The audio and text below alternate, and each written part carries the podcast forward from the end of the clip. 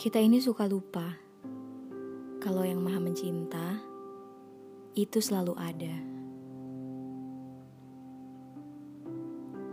Kita ini suka lupa kalau yang Maha Ada itu siap dibagi rasa. Kita ini suka lupa kalau yang Maha tahu segala rasa itu benar-benar ada dan memperhatikan tiap rindu yang hobi kita umbar-umbarkan.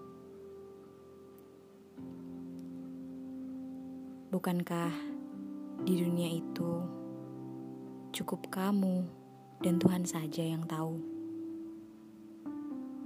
Masalah rasa, masalah hati, masalah metafisika yang manusia susah peka karena mungkin memang dibuat susah peka oleh Tuhan adalah masalah yang memang hanya yang Maha Esa saja yang bisa berikan solusinya.